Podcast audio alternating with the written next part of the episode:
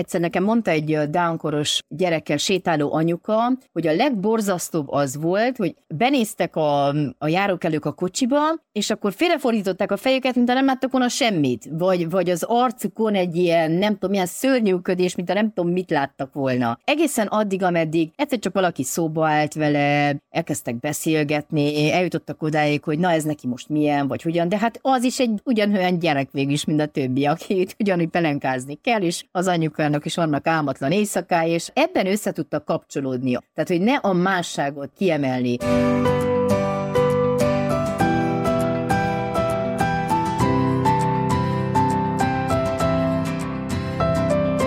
Sziasztok, ismét eltelt két hét, ismét és boldogan éltek podcast, amelyben annyit előre előjáróban elmondhatunk, hogy ismét kiegészülünk egy vendéggel, hármasban leszünk itt Annával. Szia Anna! Szia István, köszöntöm a vendégünket is, akiről még nem tudjuk, hogy ki az, de mindjárt bemutatom. Akiről még nem tudjuk, hogy ki, de rövidesen ki fog derülni, így van. De addig így, most jöttem nem tudom hány magyar óráról, úgyhogy fedje őt balladai homály még néhány percig.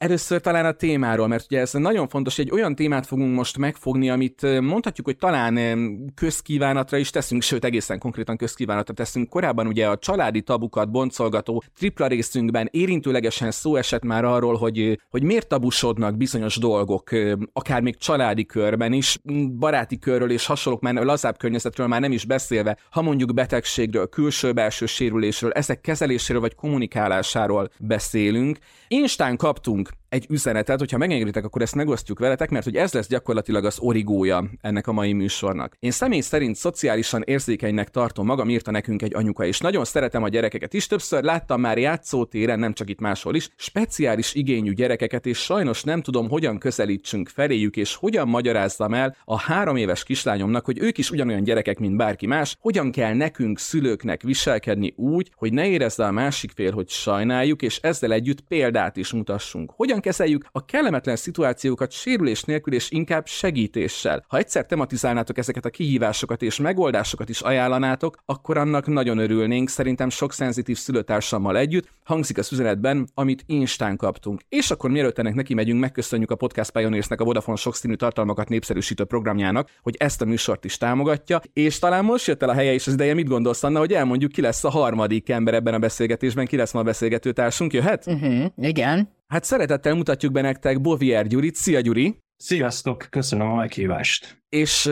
hogy Gyuri miért is ül most itt velünk. Gyuriról tudni kell, hogy ő az a srác, aki... Aki általában ül.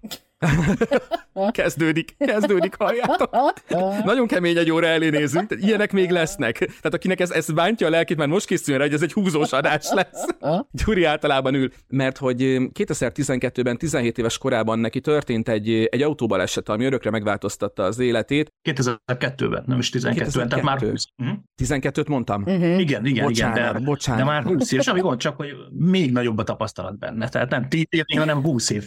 Igen. Tehát, hogy 2002-ben, de az, de a stimmel, hogy 17 éves 17 korodban voltam, történt. Igen. 17 voltál, amikor történt egy baleset, és korábban te egy ilyen kifejezetten sportos rác voltál, egy ilyen örökmozgó ember, ahogy, ahogy definiáltad magad egy korábbi interjúban, amikor is ugye kerekesztékbe kerültél. És ugye ez, azért az, ezzel a folyamattal te megjártad a hadakútját, mert hogy bár többször megtetted volna, hogy, hogy azt mondod, hogy, hogy, hogy úgy föladod, elengeded ezt az egész dolgot, egy egészen más utat választottál magadnak, majd beszélünk itt, hogy milyen sportsikereket sikerült elérni, Budapest Bamakurali első kerekesztékes résztvevője voltál, és amikor legutóbb beszélgettünk, az Impulzív magazinnak készült az interjú, ezt azért mondjuk el mindig, hogy Annával is mindig elmondjuk, az Impulzív hozott bennünket össze, úgyhogy ez a reklámhelye, és ezt az interjút majd meg is osztjuk a podcastnek a social media oldalán, akkor azt mondtad, hogy bár a pandémiás időszak egy picit visszavetett, de akkor is úgy fogalmaztál, hogy több lábon állsz. Dolgoztál, motivációs előadásokat tartasz, integrációs trénerként dolgozol, megváltozott munkaképességűeket bemutató és felkaroló kampányoknak az arca és szervezője vagy, tehát te, ahogy mondjuk Tina Turner fogalmazna, ebből a méregből, ami az életedbe folyt, megtanultál valahogy orvosságot keverni, ha lehet ezt így mondani. Ugye a házasságáról fogalmazott így, hogy a, a tönkrement házasságát hogyan tudta úgy földolgozni, hogy ez a, az életét alapvetően rossz irányba vívő dolog valami egészen másba kapcsolt. Szóval Gyuri, mondhatjuk, hogy első kézből fog nekünk mesélni arról, hogy milyen az, amikor egy ilyen dolog megváltoztatja az ember életét, és milyen utak állnak az ember előtt. Gyuri, mielőtt Annát kérdezném pszichológus szemmel a kérdésfölvetésekről, amiket az előbbi idézett üzenetben voltak, ez a hogy kezeljük a helyzeteket, kellemetlen szituációs társai, ebben te mennyire ismertél rá olyan tipikus jelenségekre, amik még mindig ott vannak így a köztudatban, és itt látszik, hogy azért, azért van dolgunk ezzel a jelenséggel. Hát abszolút. Én örülök, hogy ez a tény két, két ilyen nagy veszőparipán van ebben a témában. Talán az egyik az akadálymentesség, vagy annak a hiánya, és hogy mennyire szükség lenne rá mindenkinek, nem csak mondjuk egy kerekesszékes embernek, mindenféle szempontból. A, a másik pedig uh, tulajdonképpen ez az érzékenyítésben nem szeretem ezt a, ezt a szót, nincs egy olyan, egy, egy olyan vagány szó, nem? Az érzékenyítés az egy olyan picit olyan... Ha, hivatalos egy kicsit, igen. Igen, igen, igen, de hogy, hogy valamilyen, valamilyen, valamilyen szemléletformálás, és abszolút azt gondolom, és ezek a tapasztalataim is, hogy, hogy ez gyerekkorban a legjobb elkezdeni, meg a legkönnyebb is. Tehát mikor olvastam az olvasótoknak a, a gondolatait a játszótérről, akkor egyből az jutott eszembe, amit én nap mint nap tapasztalok a kasszánál egy, egy, egy üzletben, hogy, hogy a kisgyerek megkérdezi az anyukájától, hogy a, mi történt a bácsi lábával? És akkor jön anyuka, aki egyből zavarba jön, vagy lepiszegi a gyereket, vagy van olyan is, és ez a jobbik példa, aki megpróbálja valamilyen módon elmagyarázni, vagy nagyon rövidre zárja, hogy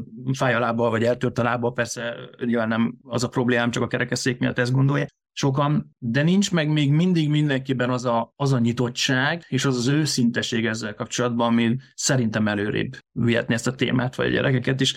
Holott a, a jó megoldás, és ezt egyszer egy apukával sikerült ö, ö, így végigvinnünk, ugyanúgy egy, egy, egy üzletben, ahol a kisgyerek ezt megkérdezte, és, és az apukában volt annyi, nem tudom, lendület, hogy oda mert jönni, és azt mondta, hogy jó, van egy ilyen kérdése a gyereknek, ö, beszélhetünk erről, és szerintem ez volt egyébként a jó. Mondom, hogy természetesen, eddigre persze a kisgyerek egy kislány volt, néhány év körül ő, ő kicsit megijedt ettől, úgyhogy mégsem akarta, és akkor mi ebben nem csináltunk semmilyen ügyet, oké, majd ha akarja, akkor jó. Mentünk néhány kört a boltba, és akkor nem tudom, a csirkepultnál meg újra oda jöttek, hogy, hogy, hogy akkor megjött a bátorság is megkérdeznék. És nagyon-nagyon egyszerűen elmagyaráztuk neki, megmutattuk a saját hátán, hogy volt egy autóból eseti, tudod mi a gerinc, a gerincet, ha eltörik, akkor ilyen lehetséges, mire kell vigyáznod, stb. Ugye kicsit akkor már egyből így az autóban töltött biztonsági stop berendezéseknek a használatáról, és abszolút azt gondolom, hogy ez volt a legjobb, amit csinálhattunk. Egyrészt az apukának is megvolt a, ez a nyitottság és ez a bátorsága ahhoz, hogy, hogy első kézből kapjon információt, amit akár ő nem tudhat. Nem feltételezett valamit, ahogy Hát, hogyha a székben ül, akkor biztos ez és ez a baja. Nagyon sokan feltételeznek, vagy, vagy, vagy, vagy van már egy ilyen koncepciójuk arra, hogy mi lehet. Hogyha ez a baj, hogyha egy székben ül, akkor mire lehet képes, vagy inkább mire nem lehet képes. És ez nagyon sokszor ugye zsákutca. Hanem oda jött is megkérdezte, és utána a kisgyerek is befogadó volt ezzel kapcsolatban, ők nagyon gyorsan ezt megjegyzik, őnek utána a szék az érdekes, az játék, azt lesz gurul, azt tologathatják bármit, tehát ezt meg lehet venni játékos formában is. Valószínűleg még hazafelé vagy otthon ez szóba jöhetett, akár anyukánál is, tehát elmesélte, és szerintem innentől kezdve egészen másképp az a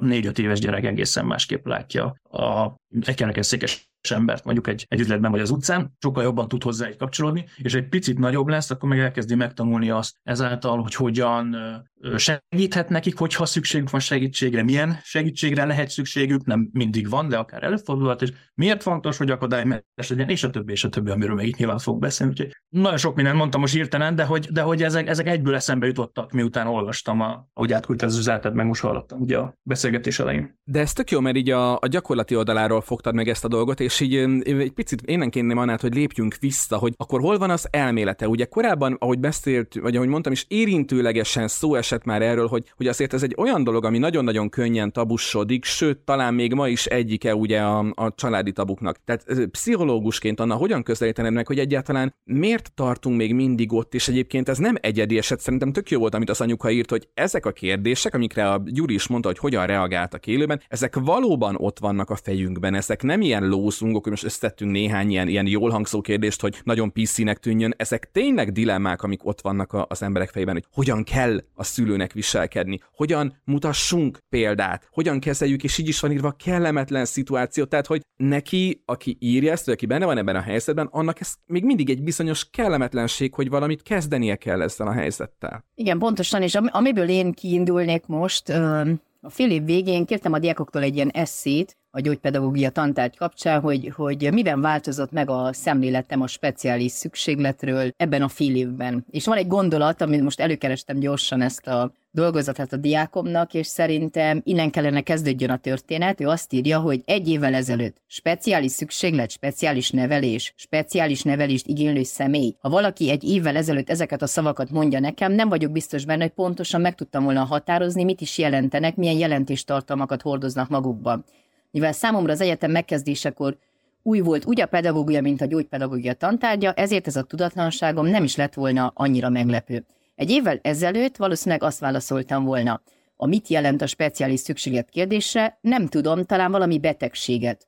Betegség. Ez a szó, amely annyi ember életét képes másodperc töredéke alatt darabokra törni. Sajnálom, uram, a feleségénél olyan betegséget találtunk, amely gyógyításához műtéti beavatkozásra lesz szükség, vagy sajnos szomorú hírekkel szolgálhatók, kemény terápia árán épülhet fel a felesége. Sok ilyen és ehhez hasonló mondat hangzik el a kórtermekben, kórházak várótermeiben, amelyek villámgyorsan, reménytelen helyzetekbe kergetik a reményel teli szíveket, embereket, életeket. Igen, ez a betegség, amiből van esély a gyógyulásra, még ha nem is mindig úgy történik, ahogy reménykedünk benne. Ezzel szemben a speciális szükséglet egy olyan állapotot jelent, amely az egyént elkíséri élete útján, élete végéig azzal a speciális szükséglettel együtt kell élnie.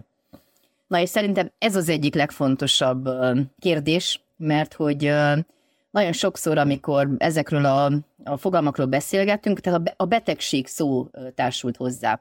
És, és nekem az nagyon megdöbbentő volt, azt nem, nem tudom, hogy meséltem az előző műsorban, amikor pont a tabusított témákról beszélgettünk, hogy egy iskolában voltam, egy egyes fokozati ellenőrzésem saját kollégáimmal, és ugye nézzük az osztályt, meg történik ott az interakció, és egyszer a tanítónéni szó, hogy akkor most mindenki álljon fel, és nem tudom, csoportokba kellett uh, rendeződjenek, és akkor láttuk csak meg, hogy egy kislány kerekes székben van, és odafordul a Nem koll... mesélted, nem mesélted. Nem meséltem, na hát ez nagyon megdöbbentő volt, és odafordul a kolléganém, és azt mondja, hogy nem is tudtam, hogy a kislány beteg. És engem ez annyira szíven ütött ez a mondat, hogy egyszerűen szavak nélkül maradtam. Tehát, hogyha a saját kollégám így gondolkodik a kérdésről, akkor mi, mit kezdjünk egyáltalán többiekkel? Tehát, hogy azt sem tudtam, most tartsak neki egy ilyen felvilágosító előadást, hogy mi az, hogy betegség, mi az, hogy speciális szükséglet. Tehát, hogy, hogy nagyon sokszor már maga a fogalmak, meg maga a képzet, ami ugye mögéje társul, me, meg a félelem, ez a másik része, mert hogy itt közel hozzánk, ugye én Marosvásárhelyen élek, és közel hozzánk van egy ilyen integrációs központ, és van mellette egy játszótér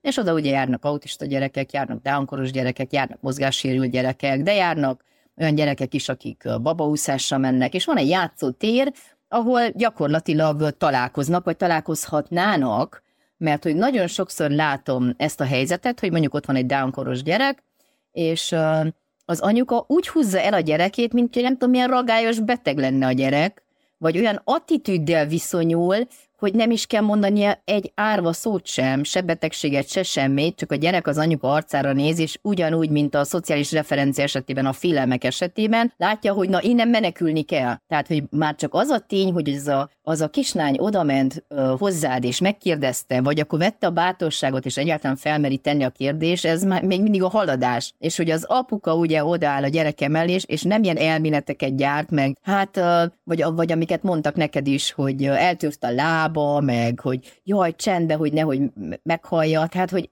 hogy nagyon érzi a gyerek, hogy, hogy a felnőtt zavarba van, és, és az első dolog, amit kellene tenni ebben a kérdésben, hogy magát a fogalomkört tisztázni, a saját viszonyulásomat hozzá. Tehát, hogy nagyon érdekes volt, mert ez egyik dolgozat, ami nagyon jól sikerült. A, a dolgozatok felét vissza kellett küldenem, mert vagy másoltak nem tudom milyen meghatározásokat az internetről, és ilyen-olyan dolgokat betettek egymás után, azt mondtam, nem erre vagyok kíváncsi. A te szemléleted miben változott? Hogy annyira félnek egyáltalán ehhez közel menni, vagy beszélni, vagy, vagy akár saját példát, érzést említeni, hogy, hogy olyan, mint hogy egy ilyen szöges drót lenne így, nem tudom, körülöttünk, és akkor jaj, hát nehogy beszéljünk ezekről a kérdésekről, és, és a legtöbb ugye a csend, a zavartság, jaj, akkor legyünk túl rajta, inkább ne foglalkozzunk vele. Na de akkor erről beszéljünk, hogy ezt a szöges drótot hogy ugorjuk át, tehát hogyha még olyan diákok is, akik hozzád járnak órára, tehát ők elvileg ennek tökre a tudatában vannak, megésztem más szemlélettel, mondjuk ülnek neki erről írni egy fogalmazást, akkor mit várunk úgymond a játszótéri anyukától teljes joggal merül fel a kérdés? Ja, hát ugye ők elsőves diákok, első, első fél év tehát, hogy innen kezdődik a szemléletformálás, és azt lehet látni, hogy miután visszaküldöm a dolgozatokat ENSZ, mert itt most pont átnéztem, mert meg akartam keresni pont ezt az egyet, akkor végül is lesz bátorságuk aztán erről írni. Csak valahogy ezt a falat át kell törni, vagy úgy meg kell engedje ő is magának, hogy egyáltalán közel menjen ehhez a történethez. Emlékszem, amikor mi diákok voltunk, akkor már nem tudom pontosan, hogy mi volt annak a szervezetnek a neve, vagy egyesületnek, hogy szintén mozgássérült fiatalok voltak, tehát kb. 5 vagy 6 akik programozóként dolgoztak és volt egy ilyen kis cső a szájukban, és a, a levegő fújásával, meg szívásával mozgatták az egeret, és hát ilyen weboldalakat programoztak. Hát Na ezt mesélted, hogy ők úgy programoztak, igen. Mindenkinek hogy leesett az álla. Igen. Tehát, hogy az a munkalégkör, az a derű, az a...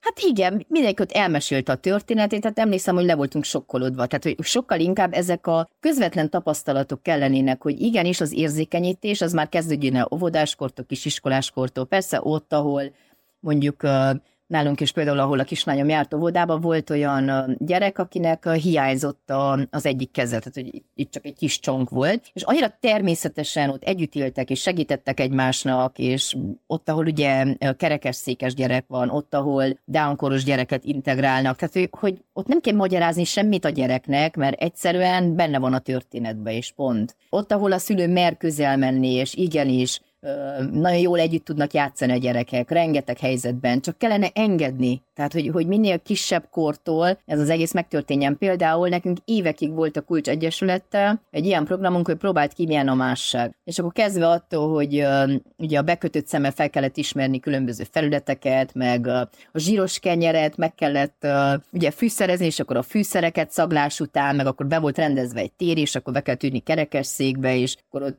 le kellett venni különböző dolgokat, dolgokat, vagy ugye kerekesszékkel végigmenni egy, egy ilyen akadálypályán. Tehát, hogy, hogy az, hogy én ki tudom ezt az egészet próbálni, bele tudok helyezkedni egyáltalán nem is a másik helyzetében, mert oda nem fogok tudni, ha nem vagyok benne, csak egyáltalán egy kicsit más szemszögből látni a dolgokat. És még, még egy dolog eszembe jutott, ezt is most uh, megtaláltam, ugye nem, nem tudom, hogyha tudjátok, hogy, uh, hogy Vecsei Miklós Hasi, ő ugye második gyerekként jött a világra, és ugye az anyukája megismert, ugye a Pető intézetben dolgozott konduktorként, és megismert egy kerekesszékes mozgássérült értelmi fogyatékos cigány fiút Badot, akit örökbe is fogadott a férjével. Ő lett az első gyerekük, és ő nevezte el lényegében Vecsei Miklóst Hasinak, és uh, Hasinak végül is ez a kerekes szék volt a babakocsia. Tehát őt mindig Badó vitte ide-oda, amoda. És ugye nekik annyira természetesek, együtt nőttek fel, együtt ugye gyerekeskedtek, együtt hülyeskedtek, játszottak, tehát hogy, hogy ez ez a közel menni, és megtapasztalni. Tehát, hogy innen is látszik, hogyha ö, egyáltalán van egy konkrét tapasztalatod, és ezt nem csak elméleti úton mondod, mert én ezektől komolyan mondom, meghalok a mindenféle nagy integrációs mondatoktól, hogy mit, hogy kell, és akkor amikor ott vagyunk a gyakorlatnál, rengeteg minden nem működik. Tehát, hogy én a tapasztalásban hiszek, az élménypedagógiában, hogy, hogy legyen például az iskola másként héten igenis találkozó ö, gyerekek között, és, és ez nagyon, nagyon sokszor ugye azt gondoljuk, hogy a speciális szükséglet azok csak ilyen nagyon konkrét dolgok lehetnek, hogy akkor akár vele született dolgok, akár, ö, akár ugye valamilyen sérülésből származó dolog, de hogy én mindig felteszem elsőrán a kérdést a diákoknak, hogy mikor érezted magad, te magad speciális szükségletűnek, mert biztos, hogy volt olyan helyzet. És akkor feláll az a lány, aki mondja, hogy 35-ös a lábam, bemegyek a cipősboltba, és nem kapok egy cipőt sem. Egy méter 95 centi vagyok, egy kosztüm se jó rám, mert mit tudom én, mindig a csuklom fölé ér. Vagy mindenki beszéli azt a nyelvet, és én nem tudok egy árva hangot mondani, vagy mindenki nagyon jól tud tájékozódni, én nem. Tehát, hogy mindannyian lehetünk bizonyos szempontból speciális szükségletűek, és hogy mennyire fontos, hogy, hogy ezt az állapotot is megélni, és, és akkor már tudom, hogy érzés szintjén ez milyen. Gyuri, meg szabad tőled kérdezni azt, hogy hogyha tényleg, tudom, hogy ez egy nagyon-nagyon hosszú történet, de tudom, hogy annyiszor elmesélted, hogy pontosan ismered a sarokpontjait, hogy mik azok, amik ilyenkor ami érdemes ennél hangsúlyt fektetni. Ugye mondhatjuk, hogy neked ugye ez egy szerzett fogyatékosság, mert hogy te úgy élted az életed, mint, mint bárki más segítesz nekünk egy picit megérteni, vagy egy kicsit belelátni az ember fejébe, hogy ezt az utat hogyan járja be, hogyan éli meg, addig, hogy itt tud ülni és tud erről így beszélgetni, teljesen természetesen beszélgetni erről a kérdésről? Csak hogy a túloldalt is értsük meg egy picit, megismerjük meg egy picit. Igen, csak előtte visszacsatolni egy kicsit Gannához, amit mondott, hogy mennyire fontos, hogyha engedjük megismerni ezt a dolgot. Nem, mert hogy sok, és ez szerintem összefügg azzal is, hogy sokan hogy a betegség szót használják rá. Mert hogy a betegség az, az ugye sokszor fertőző. Uh-huh. És ami fertőző, az nem jó, hozzájön a székéhez, akkor ő is lebénul. Nehogy beleülj, mert akkor ezt nyilván nem, legalábbis semmi nem, hogy senki nem gondolja ezt, hogy ha belülsz egy székbe, akkor egyből lebénulsz, de hogy valahogy ezt akkor vonzott magadhoz, és akkor biztos, hogy lesz valamilyen. Hogy ez, ez egy óriási baromság. De hát egyrészt itt már különbséget kellene tenni. Másik, hogyha pont egy gyerek beleülhet ebben. Nagyon rövid sztori, a szomszédom most elszakította a futballozás közben a lábába a szalagot, és adtam neki kölcsön egy széket. Hogy a kisgyerekkel, a nem tudom, három éves lányával a házon belül legalább kicsit úgy gyorsabban tudjon közlekedni, ne pedig a két mankóval bicegjen és másnap este küldött már egy videót, hogy a gyerek teljesen egyedül két perc után jobban irányította a kerekesszéket, mint az apja. Jött, ment, korzózott, ment, jött fel alá, többi. Tehát amellett, hogy kölcsönadtam egy kerekesszéket a szomszédomnak, csináltunk egy olyan kis integrációs tréninget most heteken keresztül a saját apjával, azzal, hogy azt odaadtam, és az apja ezt engedi neki, és ő is próbálkozik, és ő neki is egy más szemlélete lett az egészből, pedig mi ismerjük egymást, csak hát nem ült hosszú távon még ideig kerekesszékben, most meg pár hétig azért ezt használja, és már lát látja, hogy basszus, még átjöttem hozzátok, addig háromszor akadtam el a, két centis küszöbben is, és hát azért ez rohadt nehéz. És a kislány is már ezt megtanulja, és ő már úgy fog felnőni, hogy látta az apját ebből ülni, persze azt is látja, hogy kiszáll belőle, de megérti, hogy vannak olyanok, mint például én, aki nem száll ki ebből, és az omszédokban és így nő és családon belül is ez van. Szóval szerintem ez nagyon fontos, hogy engedjük nekik. Ha nem is tudunk pontos információt adni erről, ha engedjük arra felé a gyerekeket, akkor ők majd szereznek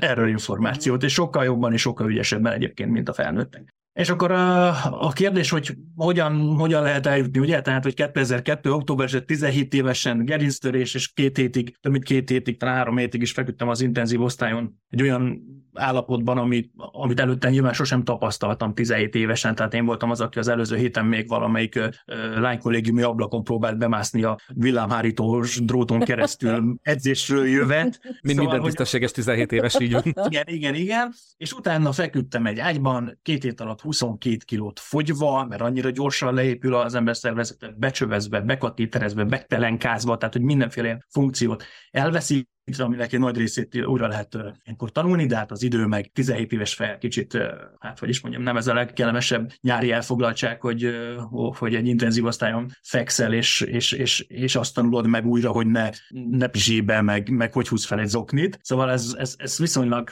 viszonylag nehéznek mondanám, de talán engem az vezetett el oda, ahol most tartok, hogy ebből ki tudtam jönni, hogy előtte is egy nagyon hát rugalmas, talán reziliens és, és, és nagyon ilyen életszeretőbb, aktív fiatal voltam, és hoztam döntéseket, amit nem tudom, hogy akkor minek köszönhetek, de hogy én konkrétan néhány hét után eldöntöttem azt, hogy oké, okay, én amit tudok ebből kihozok, nem tudtam, hogy mi lehet, hogy mi az. Fogalmam nem volt, és nem tudtam, mennyire tudok felépülni. De hogy amit tudok kihozok, és ez biztos, hogy a lehető legrövidebb idő alatt szeretnék kijutni ebből a rehabilitációs intézetből, mert mégis az egy kórház, nem egy természetes közeg, és én ezt nem szeretem, de ahhoz, hogy kiussak, ahhoz természetesen fel kell épülnöm valamilyen szinten fizikailag, és lelkileg, és stb. Tehát ezeken kell először dolgozni. És akkor kitűztem alapvető ilyen részcélokat, és karácsonyra haza is kerültem a, a rehabról. És azt is nagyon gyorsan eldöntöttem, és szerintem mindig ezek a, a fordulópontok, tehát hogy ott döntéseket hoztam, és nem úgy döntöttem, hogy egyébként dönthettem volna, vagy sokan döntenek, hogy oké, okay, akkor én most így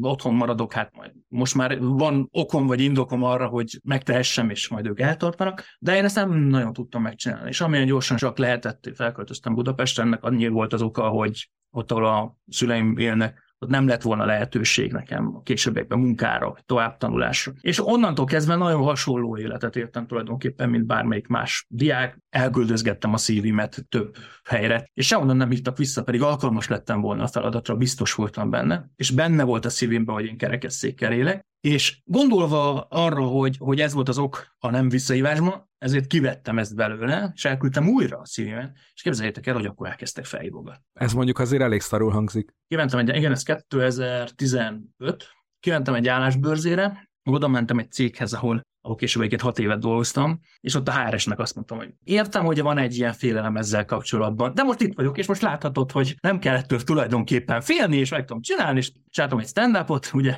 vagy hogy mi mondjuk egy sit-down, és, és, és, és utána, utána ő végül tovább görgette ezt, a, ezt az ügyet, és akkor behívtak. Jegyzetelték, hogy úristen, mit mondhatunk szegénynek, ugye itt is már megint jön a nincs információ, félnek tőle, megbántjuk-e, Ugye ez mindig bejön szerintem a gyerekek szüleinél is, hogy hát, hogyha én most oda megyek, és véletlenül olyat mondok, ami megbántja. Szerintem ez egyébként nagyon ritka. Tehát, hogy nagyon ritkán tud olyat mondani, ami őt valóban megbántja, mert a másik, tehát, hogy ez a mi felelősségünk is, hogy aki ilyen helyzetben van, az tudja, hogy más emberek, akik nincsenek ilyen helyzetben, nem biztos, hogy tisztában vannak, vagy képben vannak, van elég információk erről. Tehát, hogyha én egy én hisztis kis kerekezzéges lennék, és megbátódnék minden rossz kifejezésen, amit ők mondanak, akkor valószínűleg nem lenne egy ismerősöm se, meg barátom se, de hogy ezt nem tehetjük meg. Mert hogy Gyuri, itt egy pillanatra hadd folytsam beléd a szól, és akkor ezt tőled is, meg annától is kérdezném, hogy elnézést, de amit mondtál, tök jó gyerettet értél ki, meg erre te kanyarítottad a beszélgetést. Én a kívülálló azt gondolnám, és ezt nagyon hülyén hangzik, tudom, vagy ilyen nagyon esetlenül, és lehet, hogy az anyuka is, aki írt nekünk valahol erre utalhatott, hogy most bocsánat, van neki, tehát hogy neki alapból van baja, és akkor én most hogy viselkedjek úgy, hogy ezt ne érzékeltessen vele, hogy ezt én is látom hogy, hogy neki van baja? Egyrészt ő tisztában van azzal, hogy van valami baja, tehát hogy, hogy saját magához való viszonyulás az valószínűleg rendben van, hogyha meg nem, mert olyan baja van, nem tudom, szellemi sérült, vagy még nagyon pici, hogy ezt felfogja. Bár a vele született fogyatékosság, azt szerintem olyan szempontból egy Hát most ezt merem állítani, bár lehet, hogy ezért sokan megkövetnek, hogy ez egy egyszerűbb dolog, mint a szerzett fogyatékosság, hiszen neki nincsen összehasonlítási viszonya, nincs egy előző időszaka egy élete, mint mondjuk nekem volt 17 évig. És tudom, hogy akkor mit tudtam megcsinálni, és most mi az, amit például nem tudok megcsinálni, mert nyilván van egy csomó ilyen, vagy, vagy más eszközökkel tudom megcsinálni, vagy más úton, de ott nincs. Tehát, hogy aki így születik és így nő fel,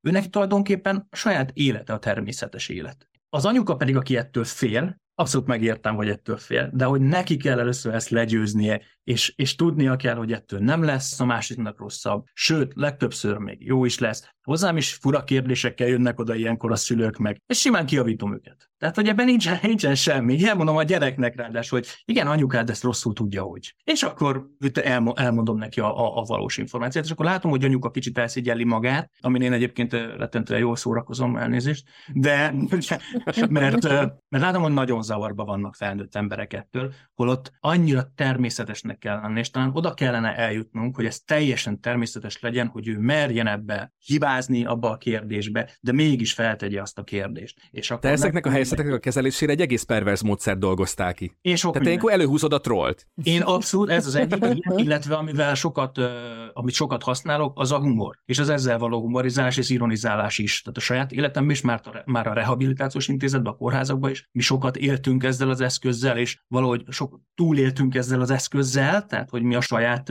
állapotunkon rettentő sokat viccelődtünk. A mai napig egyébként az egyik barátom szokta mondani, hogy a nyomi poén sosem megy ki a divatból, tehát hogy így, mert hogy velem folyamatosan ezt tesztolja, és ezt lehet másoknak is egyébként. Tehát, hogy ha beleköz egy olyan környezetbe, akkor ők szépen ezt így elkezdik átvenni. És azt gondolom, hogy például az ezzel való humorizálás, vagy a, persze tök idegennek nem kezdesz el, egyből nem ezzel indítasz. De, de egy idő után lehet, illetve hogyha én azért humorizálok ezzel sokszor, egyrészt mert vicces, másrészt mert azt gondolom, hogy én ezzel segítek annak a másik embernek feloldódni, és azt láttatni, hogy vagy hát ez is csak egy ember, aki oké, okay, hogy egy székben ül, és nem pedig áll, de nem tudom, van ungora, tud a saját érzéseihez, meg állapotához viszonyulni, és, és így ő is hamarabb mer nyitni, és hamarabb mer kérdezni. Ugye főiskola, főiskola első éve, első két nap tréning, valamilyen tréning volt, és azt kérdezte a tanár, vagy kérte a, a tréner, hogy mindenki mondja el, hogy mit vár a többitől, a többi embertől, a többi résztvevőtől. És én voltam egyedül kerekesszékben, és nyilván látszódott, hogy ez azért picit furcsa volt ott a diákoknak, hogy általában mindenki 18-19 éves ember.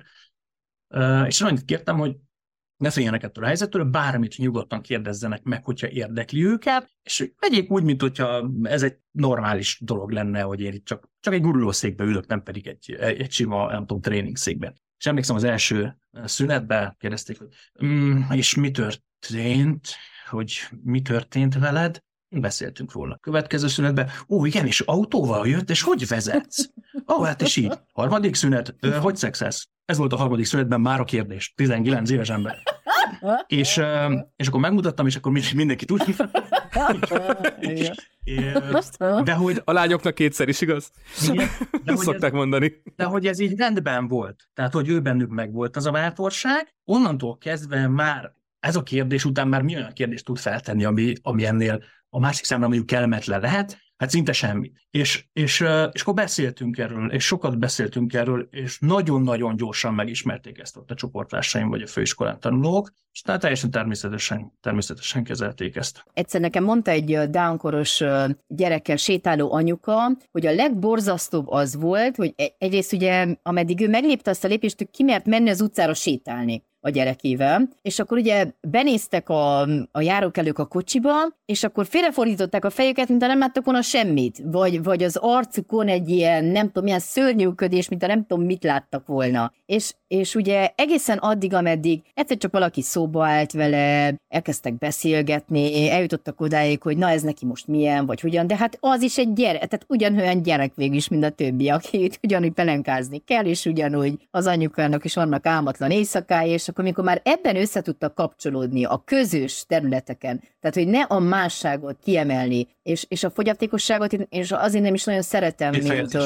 kifejezést, mert, mert igen, mert a hiány van, és, és abban, hogy speciális szükséglet, ott igazából a környezeten van a hangsúly, hogy te mit kell, mit kellene változtassál ahhoz, hogy, hogy neki is eséllyel legyen, és gyakorlatilag itt, itt vannak a problémák, hogy ameddig társadalmi szinten nem teszünk ezért a kérdésért, akkor elég nehéz elvárni, hogy a változás az ilyen egyéni szintről induljon. És akkor, hogyha mondjuk egy olyan speciális helyzetről beszélünk, akkor térjünk vissza a játszótérre. Anna, amikor mondjuk nem olyan helyzetről beszélünk, mint például, amikor Gyurival találkozunk, hogy látjuk, hogy Gyuri ott szöszmötől a székkel, megkérdezzük, hogy segítsünk ennek. Ugye felnőtt ember, felnőtt embert leszólít, amikor azzal szembesülünk, hogy mondjuk gyerek van hasonló helyzetben, akkor ahhoz valahogy nehezebben idomulunk, amikor gyermeken látjuk, hogy, hogy ilyen helyzetben van, mert azt azért valahogy másképp dolgozza föl, vagy talán másképp éli meg az ember. Egyébként a reklám helye a, a, a Lila és Tündérbogyó, kék könyv, Lila és Tündérbogyó, kék könyv, Tündérbogyó és a színes üveggolyók. Példa, röviden uh, Gyurit is képbe helyezzük a sztorival, mert lehet, hogy még nem olvastad a Lila és Tündérbogyó sztorikat, de majd, majd olvas Lila és Tündérbogyót.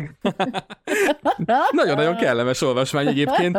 Feltéve, feltéve, hogyha nem vagy rutintalan apuka, aki még nem veszett másfél éve ilyen podcastet az Annával, csak a kezébe kapja, és aztán elkezdi nagy pofával olvasni a gyerekének a Lila és Tündérbogyó meséket, mert a gyerek azt úgy is szereti, és el nem jutsz addig a pontig, hogy a Lilla és Attila elmegy a játszótére, ugye ők egy testvérpár, akik elmennek üveg üveggolyózni, és amikor elgurul az egyik üveggolyó, akkor eljutsz odáig, ugye egy fél sorral mindig előrébb vagy, amikor hangosan olvasod, hogy szépen tudja olvasni a gyerekednek artikuláltan. És a gyerek is megérzi, hogy te ott megtorpantál, mert a következő sorba az van leírva, hogy a kislány, aki elkapta az elgurult üveggolyót, látja Attila, hogy furcsa a szeme, mintha a szemei külön mozognának, mintha a szemei külön életet élnének, amikor rájön Attila, hogy ez a kislány vak, és neked már csavarodik a gyomrod, hogy te most a, a négy éves gyerekednek hogy olvasod majd azt föl, hogy most úristen, itt egy vak kislány van, és akkor hogy magyarázod el, hogy mi az, hogy vak meg hasonló? És ugye, és ugye Anna ezt megírta egy mesében, hogy, hogy ugye ez a kislány hogyan éli ezt meg, hogy csatlakozik be, hogy kezdenek el együtt üveggolyózni, aztán ők hárman a játszótéren. Brilliáns, zseniális jó mese. Tehát Anna, mi van akkor, amikor gyerek kerül a képbe? Hát az sokkal egyszerűbb, mikor gyerek-gyerek kommunikál, mert ők nem bonyolítják el a dolgokat. Oda mennek, jé, te nem látod? És hogy, hogy nem látod? És kész egyszerűen megkérdezi a felnőtt, az az ugyanúgy van, mint te, hogy fú, akkor most mit mondjak, és hogy mondjam, és emlékszel, hogy ugyanez volt a háborús történeteknél, mikor én is ott kínlottam, hogy na, akkor most akkor induljunk el a, hogy az osztálykonfliktus, és akkor vannak országok közti konfliktusok, és akkor van most ez a háború, és te szoktál veszekedni, nem tudom kivel, és akkor Lina megkérdezte, anya, és mi hogy jutottunk el ide? Tehát kb. ez a reakció, hogy, hogy, hogy miért kell akkor a feneket keríteni az egésznek, hogy sokkal egyszerűbben meg lehetne ezt az egészet, hogy jé, hogy te is ugyanúgy ez a gyereki kíváncsiság, meg a gyereki, tehát ez a belső spontán, kreatív gyermeki énünk, ha hagyjuk, hogy megnyilvánuljon, akkor fogja tudni a választ. És ne a kritikus felnőttből, és ne a túl gondoskodó felnőttből, mert ugye a túl gondoskodó a sajnál, a kritikus az, az maximum kihúzza a gyereket, hogy kész, nem játszunk el, menjünk haza, mert most ezzel nem foglalkozunk, meg különben is nincs időnk. Ezekre örvendj, hogy te látsz, fiam, és akkor menjünk haza, pont. Valahogy így kellene visszanyúlni, hogy van egy helyzet, és akkor arra reagálok, tehát, hogy ne kezdjem el túl gondolni, és akkor keresni az elméleteket, a történeteket, egyszerűen oda megyek, és kapcsolódok, vagy valamit mondok, vagy valamit csinálok. Igen, az őszinte tabumentes kommunikáció. Ennyi, ennyi a kulcsa. Tehát a, a, Igen. a, az olvasó hölgynek is, aki írt, én ha lehet javasolni, vagy biztatni inkább, én biztosan arra biztatnám. Azért is vagy itt. legközelebb, hogyha legközelebb Igen. ott van, vagy találkozik ezzel a helyzettel. Szerintem érdemes akár a gyerekkel, a saját gyerekével, akár meséken keresztül, van azért több ilyen mesekönyv, és nagyon-nagyon élvezik. Tehát a hugom is olvas ilyet a, a saját gyerekének, pedig ott aztán láttak, -e, látnak ilyet, és nekik ez teljesen természetes, de, de volt, hogy már én is olvastam más gyereknek a hasonlót, és ők nyitottak erre, ők, ők, őket érdekli, hogy de miért, akkor az hogy van, hogy van ez a vakság, mi az, hogyha nem hallasz, ki lehet próbálni, tehát lehet erről beszélni. Akár mese útján, talán lehet az a legjobb, hiszen a gyerekek amúgy is szeretik a meséket. Egész véletlen pont itt van, nem virtuális asztalunk egy mesepszichológus, aki erre esküszik. Igen, igen, igen, és majd, majd helyesen remélem, hogy jót mondok. A másik, tehát hogy kicsit felkészíti már a gyerek, ugyanúgy a, a mesé alapján látni fogja a kislány, vagy a kisfiú, hogy Hát tulajdonképpen azon kívül, hogy ő nem jár, vagy ő furcsában viselkedik, vagy ő nem lát, ugyanúgy gyerek, ugyanúgy tud látszani, lehet, hogy nem tud mindent megcsinálni, de akkor majd azt máshogy csináljátok, stb. Tehát ő nagyon nyitott lesz, abban biztos vagyok, nem fog ettől félni. Én láttam, hogy Anna nagyon bólogatott, miközben beszélt, hogy elgondolkodva bólogatott, miközben beszéltél, meg tudod, mi jutott még eszembe, hogy igazából az a szülő, aki mondjuk egy ilyen látható fogyatékossággal élő gyermeket kivisza játszótérre, az a szülő nem dugdossa a gyerekét. Igen, az a ez szülő, meg a másik, hogy a szülő ezt tök természetesen kezeli, igen, nem? Igen, igen. Persze és nagyon sokszor lehet látni, hogy tényleg rengeteg jó történet és összekapcsolódás születik, már csak abból, hogyha merek nyitni, és hogyha van, amikor ugye a másik szülő nyit, és akkor ő tesz fel egy kérdést, vagy ő közeledik, mert hogy ilyen példákat is láttam, de hogy egyszerűen induljon meg egy kommunikáció, mert hogyha már két szülő összekapcsolódott, és ők már beszélgetnek, akkor oda már könnyebben csatlakozik egy harmadik, vagy akkor ez annak az ismerős, és egyszer csak a játszótéren levők megismerik egymást, és akkor már az, az már egy közösség, ott már nincs ilyen csodálkozás, minden nap, hanem természetesen kezelik, és ab, abba a kis csoportban már könnyebben kapcsolódik a másik személy. Mert én azt gondolom, hogy felnőttként én megléptem ezt a lépést, és nekem ez így természetessé válik, és nincsenek bennem már feszengések, görcsök, akkor a gyerek egyből belemegy ezekbe a szituációkba, és ne, nem fog megtorpanni. Hát ha azt tapasztaltam, hogy azt gondolják néha ilyenkor a szülő, hogy azért nem akar mondjuk ilyen mesét olvasni neki, a gyerekének, mert akkor azzal ő egy ilyen nyomás ehhez, hogy muszáj ezzel foglalkozni, de a gyerek ezt nem így veszi. Amit mondtatok, amikor elolvastam a gyereknek ezt a Lilla és Tündérbogyó mesét, ha a világ legtermészetesebb dolgaként vette tudomásul, ami ott történik Persze, benne. Egy, egy, tehát ő egy pillanatra nem akadt ezen fönn, és olyan úristen, de jó érzés volt. Tehát ilyen, tudik, a hülye szülő megvilágosodik, és tanul a négy éves gyerekétől, de tényleg. Egyébként rengeteg ilyen van, és remélem, hogy aki írta nekünk az üzenetet, illetve akik most itt hallgattátok, sikerült nektek is egy kicsit kapcsolódni, és sikerült egy picit új perspektívába helyezni ezt a dolgot. Ismét köszönve Gyurinak, hogy itt volt, és mielőtt elköszönünk, ugye mindig elmondjuk, hogy köszönjük szépen, hogyha ti pedig akár Spotify-on, akár Apple Podcast-en, akár Google Podcast-en, Deezeren hallgattok bennünket, akkor feliratkoztok, megosztjátok az adásokat, illetve YouTube csatornánkon szintén visszahallgathatóak. A szerkesztett adások, köszönjük a feliratkoztok, köszönjük, hogy ha tényleg megírjátok a véleményeteket, az ötleteiteket, a hozzászólásaitokat a témával kapcsolatban, aztán, hogyha hosszabb, vágatlan formában hallgatnátok meg a részeinket, ugye patreon.com per és boldogan éltek felületen ezt megteltitek, ahol ugye januárban útjára indult az életmesék mini sorozat is. Mikor, hogyan engedjük Harry Pottert a családba? Melyek azok a mesék, amik Magyarországon is nagy sikerrel futnak és kártékonynak lettek kikiáltva? Zseppénz, mikor, hol, mennyit adjunk a gyereknek? Illetve bár ez a rész áprilisban jelenik meg, ugye annával egy picit előgetünk az áprilisi életmesék tartalmát, majd megtudják a patronálóink, de majd kiderül, áprilisban is lesz életmesék a Patreonon, ahol tehát minden rész bővített tartalommal meghallgatható, és boldogan éltek infokukas gmail.com-on, Facebookon, Instagramon tudtok nekünk írni, akár témát is javasolni, illetve véleményezni az elhangzott adásokat. És most jött ez a pillanat, hogy nagyon-nagyon szépen megköszönjük vendégünknek, Bovier Gyurinak, hogy itt volt velünk. Köszönjük szépen, Gyuri, hogy elfogadta a meghívásunkat. Köszönöm szépen, a meghívást, és csak még egy gondolatot hozzátennek, hogy tudom, hogy egy órában, vagy nagyjából egy órában azért nem tudunk minden kérdésre válaszolni válaszolni, és most egy csomó kérdés feljön azoknak a hallgatóknak a fejében. Na jó, de nálam meg pont ez van, és pont ez. De azt remélem, hogy általánosságban azért, azért tudtunk valami kis fogódzót adni, és, és hogyha ha mernek, akkor nyernek. Talán ez lenne a, a végszám. Kommunikáció, őszinte nyitottság, és, és nem tudnak nagyon mellé fogni. És hát ezt nagyon-nagyon szépen köszönjük még egyszer, Gyuri, hogy elmondtad nekünk a saját történetedet is, hogy megosztottad velünk tapasztalataidat is, hogy megosztottad velünk, és köszönjük szépen Annának, hogy ismét itt volt, és mondott nekünk egy csomó hasznos dolgot mindennek, érzéseknek, gondolatoknak a hátteréről. Köszönjük szépen, Anna. Én is köszönöm a beszélgetést, nagyon jó volt. Két hét múlva újra, és boldogan éltek. Sziasztok! Sziasztok! Sziasztok!